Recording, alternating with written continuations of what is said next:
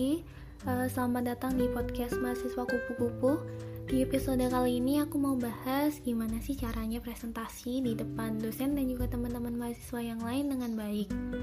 Ya, jadi di antara hal yang baik untuk perkembangan seseorang itu adalah bagaimana cara berkomunikasi yang baik dengan lingkungan sekitar, tentang bagaimana ia bisa menyampaikan pendapatnya, atau juga informasi yang jelas dan teratur agar pesannya itu bisa dimengerti dan juga diterima oleh orang lain dengan baik. Terlebih lagi untuk seorang mahasiswa yang sering kali mendapatkan tugas dan harus melakukan presentasi di depan dosen serta mahasiswa lainnya, pastinya memiliki banyak hal yang harus diperhatikan dan dipertimbangkan dalam menyampaikan pesan tersebut. Tapi sebelum itu semua, bagi mereka-mereka mahasiswa yang baru belajar nih, Keinginan untuk melakukan presentasi di hadapan dosen itu aja bisa jadi tantangan besar tersendiri. Jadi, di episode kali ini aku mau bahas uh, semua permasalahan itu dan di episode ini aku nggak bakal sendiri, aku ditemenin sama Mas Yanu. Mas Yanu bisa perkenalan dulu? Halo, perkenalkan nama saya Yanuar. Saya salah seorang mahasiswa pasca sarjana di sebuah universitas di Indonesia. Jurusannya? Jurusannya jurusan teknik industri. Oke, langsung aja ke topiknya. Uh, jadi waktu pertama kali aku tahu Mas Yanu mau presentasi buat yang pertama selama dia kuliah pasca sarjananya, uh, aku kayak penasaran gimana sih persiapan materinya, terus gimana penyampaiannya pas presentasi itu, terus hal-hal yang perlu disiapin itu apa aja sih bisa dijelasin Mas Yanu? Pertama saya bukan pakar yang pertama ya jadi saya cuma sharing hmm, aja. yeah. jadi terakhir kali saya presentasi itu adalah presentasi untuk tugas uas uh, mengenai case study. Nah saya kan teknik industri nih jadi case study kita yang kita pelajari pada saat itu adalah sebuah industri game. Jadi gaming industry harus mempelajari case study-nya gimana sejarahnya dari dulu mulai konsol pertama terus hingga sekarang ada case study-nya dan kita di situ diberi 10 buah pertanyaan. Kita harus mencari jawaban dari pertanyaan tersebut melalui analisa tapi dalam cakupan case study yang sudah diberikan tersebut seperti itu. Terus uh, kayak topik-topiknya yang lain itu uh, Mas Yanu sendiri yang ngembangin kayak gitu uh, tergantung pertanyaan. Kan itu ada 10 pertanyaan tuh.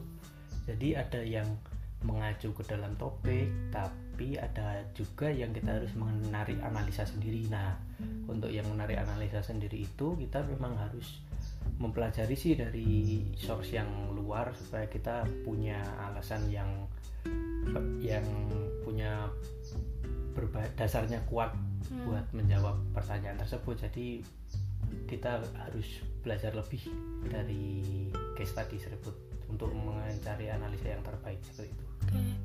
Terus uh, kadang kan gini kalau misalkan presentasi suka gugup, terus jadi kayak nggak bisa ngomong, jadi bingung mau ngomong apa kayak gitu kan. Buat Mas Yani sendiri kayak ada nggak sih kayak tips biar nggak kayak gitu? Kalau soal itu sih menurut saya banyak alasannya ya dari orangnya itu sendiri kan ada orang yang lebih cenderung introvert, extrovert. Hmm. mungkin uh, ada yang sulit kalau berada di depan umum. Yeah. tapi buat mengatasinya sih sebenarnya uh, buat belajar sih kita harus ya memang memberanikan diri sih. Kita harus nyoba-nyoba presentasi kita beranikan. Kalau udah terbiasa insya Allah ya makin ya makin lancar lah dalam presentasi seperti itu. Tapi selain itu juga ada alasan lain.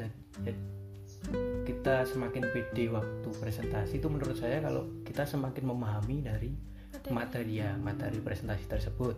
Nah itu mengapa biasanya sih uh, dibiasakan kalau guru-guru atau dosen-dosen itu menyarankan sih kalau presentasi itu jangan membaca teks atau jangan membaca slide presentasi. Yeah. nah itu kan kayak menandakan bahwa kita tuh memahami dari isi dari presentasi tersebut. Jadi kita nggak membaca tapi sudah ada di luar kepala lah seperti itu. ya seperti itu. Oke. Okay. uh, eh, terus kadang kan waktu di kelas suka ada mahasiswa yang lain terus waktu presentasi suka ada yang uh, diem aja terus atmosfernya jadi kayak krik-krik kayak gitu oh. cara ngatasinya gimana? Nah itu sih lebih ke gaya presentasi masing ada hubungannya dengan gaya presentasi masing-masing ya hmm. jadi setiap mahasiswa pasti punya gaya presentasinya masing-masing nah tapi ini ada tips uh, yang saya pelajari dari TED Talks mungkin teman-teman kalau mau pengen belajar presentasi lebih lanjut bisa lihat presentasinya dari TED Talks iya TED Talks itu udah bagus banget sangat komprehensif nah tip tipsnya yaitu uh, buatlah materi presentasi itu menarik bagi pendengar. Jadi kayak uh, cari alasan kenapa sih saya harus mempelajari tentang presentasi ini? Uh, seperti itu. Kayak semisal saya kan teknik industri kita yeah. mempelajari soal competitive advantage ya. Uh, competitive advantage itu adalah seperti keunggulan kompetitif dibanding dengan industri lain. Nah, kenapa sih kita harus mempelajari itu? Nah, karena saat kita bekerja mungkin di sebuah perusahaan, kita kan harus menganalisa dari uh, kompetitor kita. Nah, kita tuh cari tuh poin-poin apa yang bisa dijadikan competitive advantage dan kita bisa maksimalkan supaya kita lebih unggul dalam berkompetisi seperti itu. Terus uh, buat mengatasi kadang kan gini suka ada dosen yang mintanya aneh-aneh kayak gitu. Terus buat Mas Yanu sendiri lebih pilih presentasi dengan gaya sendiri atau ikut aja sama dosen yang kayak diminta gitu? Kalau menurut saya uh, mungkin bukan aneh-aneh ya dari dosennya jadi mungkin karena berbasis dari tema yang di diambil oleh dosen beliau memang mencari kayak supaya mahasiswa itu lebih mendalami mungkin ya materinya. Yeah, jadi yeah. kalau menurut saya sih paling baik sih komunikasi dengan dosennya. Jadi yang diminta itu presentasinya seperti apa? Seperti saya yang kemarin uh, waktu presentasi case study itu ternyata waktu uh, sesi tanya jawab, hmm. nah beliau tidak mencari source yang lain. Jadi fokus terhadap case study tersebut. Jadi uh, kita ikut aturan mainnya aja. Jadi kita juga semisal ingin menjawab pertanyaan hmm. kita juga fokus terhadap case study yang kita pelajari. Tapi setiap dosen juga memiliki gaya presentasi masing-masing. Itu juga bisa sebenarnya bisa dilihat sih dari tema presentasinya itu sendiri hmm. berdasarkan case study atau berdasarkan pendalaman atau berdasarkan materi apa. Nah dari situ tuh kita bisa pelajari kita harus seperti seperti bagaimana. Kalau semisal dosennya nggak ngasih ngasih peraturan tentang gaya presentasi yang diinginkan seperti apa seperti itu. Oke, okay.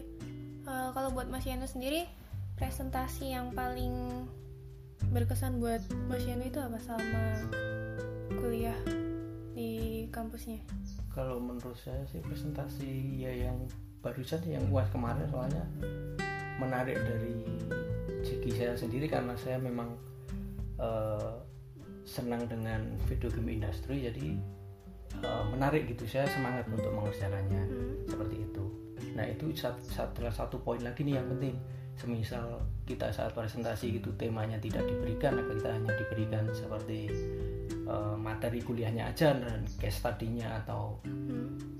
kita harus mencari sendiri. Nah saya saran eh disarankan sih cari seperti case study yang menarik buat kita menarik dari kita suka secara tidak langsung kita lebih ya lebih suka mendalami. Semisal nih saya kan suka gaming industri kalau mbak Kiki suka apa?